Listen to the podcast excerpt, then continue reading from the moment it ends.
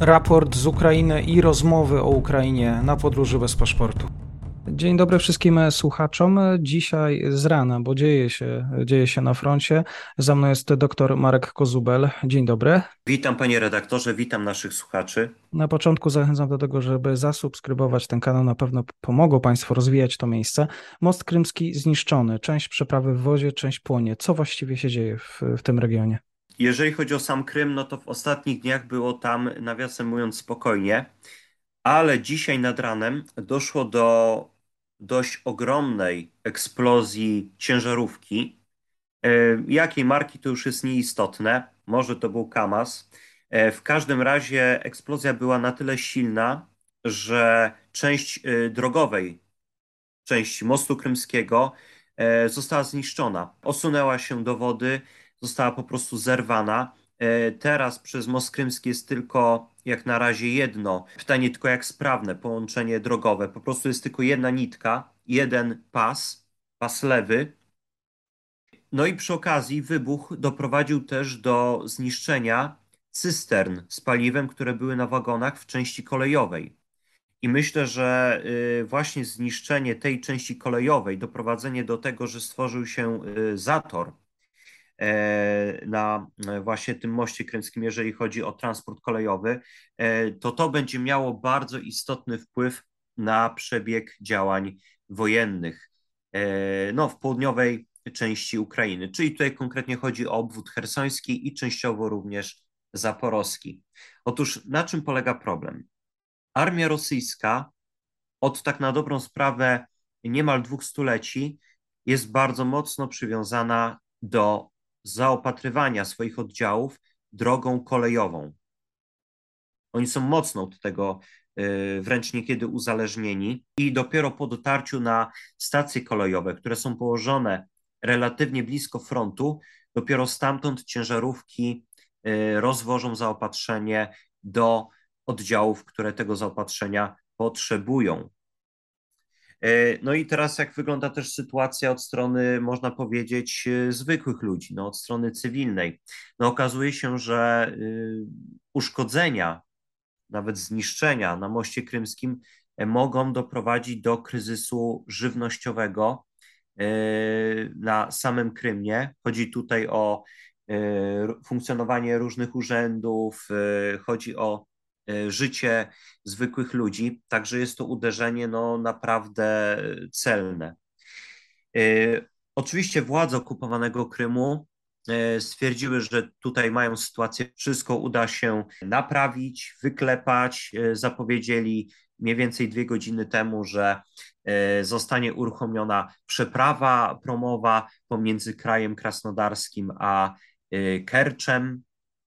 No zobaczymy, co z tego wyniknie, ale faktycznie przeprawa e, promowa już była nieraz wykorzystywana, e, także Rosjanie będą mogli nadal transportować e, różne zasoby, żywność, ale na pewno nie zrównoważy to tego, co można było przewozić drogą kolejową, no i drogową również. Pamiętajmy, że teraz, no, jeżeli chodzi o drogową część mostu krymskiego, to ten przepływ ciężarówek, samochodów osobowych będzie mógł by, będzie prawdopodobnie teraz znacznie, znacznie mniejszy.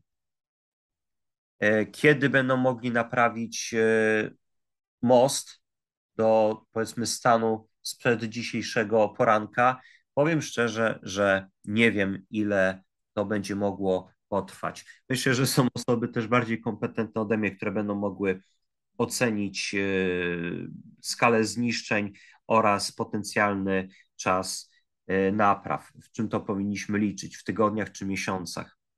Tutaj e, Rosjanie mieli podawać, że odbudowa zniszczonych przęseł samochodowych mostu krymskiego może właściwie potrwać do dwóch miesięcy.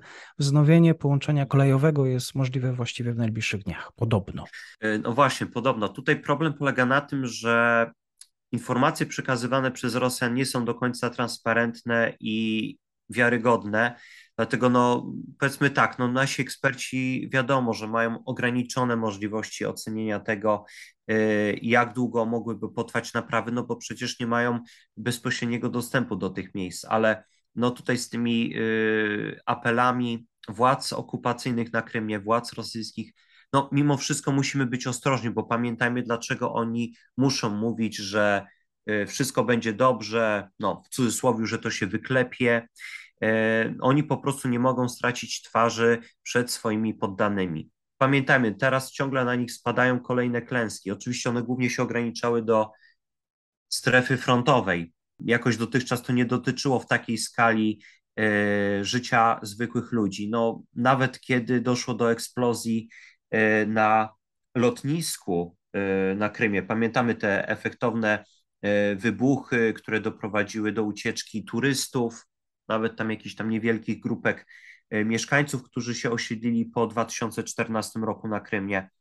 E, I to był taki moment, kiedy to faktycznie dotknęło w pewnej mierze e, Rosjan, ale tym razem mamy do czynienia z takim no, dotknięciem bezpośrednim, no bo przez pewien czas oni będą mieli naprawdę problemy nawet w zaopatrywaniu ludności cywilnej w różnego rodzaju dobra, żywność. No, zobaczymy, jak Rosjanie będą sobie z tym radzić, ale ja podejrzewam, że nie tylko przy pomocy promów. I jeszcze tutaj jedna ważna informacja. Otóż nad ranem doszło po stronie rosyjskiej, tylko że tym razem na zapleczu frontu w obwodzie donieckim, chodzi oczywiście o część okupowaną, doszło do wybuchu składu paliw w Iłowajsku. Chodzi konkretnie o ten sam Iłowajsk, gdzie w sierpniu 2014 roku toczyły się takie intensywne walki, a potem już pod koniec tych walk Rosjanie, wbrew porozumieniu ze stroną ukraińską,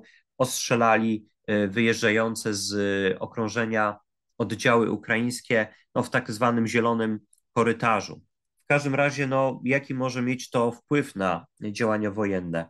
E, również przez most krymski transportowano e, prawdopodobnie sporo paliw na front. No właśnie, tak jak mówiłem, głównie w obwodach hersońskim oraz częściowo zaporowskim. Tutaj jeszcze mamy właśnie operację polegającą na tym, że wysadzono kawałek tylko na wschód od Doniecka dosyć spory skład paliw dla oddziałów rosyjskich. Także no, czuć w tym wszystkim po prostu ręce Y, ukraińskich sił operacji specjalnych. Tak, y, już władze na okupowanym Krymie miały ograniczyć y, wydawanie produktów spożywczych do 3 kg, czyli zgadza się z tym, co dr Marek Kozubel powiedział. Dziękuję serdecznie za poranne spotkanie. Ja również dziękuję za zaproszenie, panie redaktorze. Pozdrawiam pana oraz naszych słuchaczy.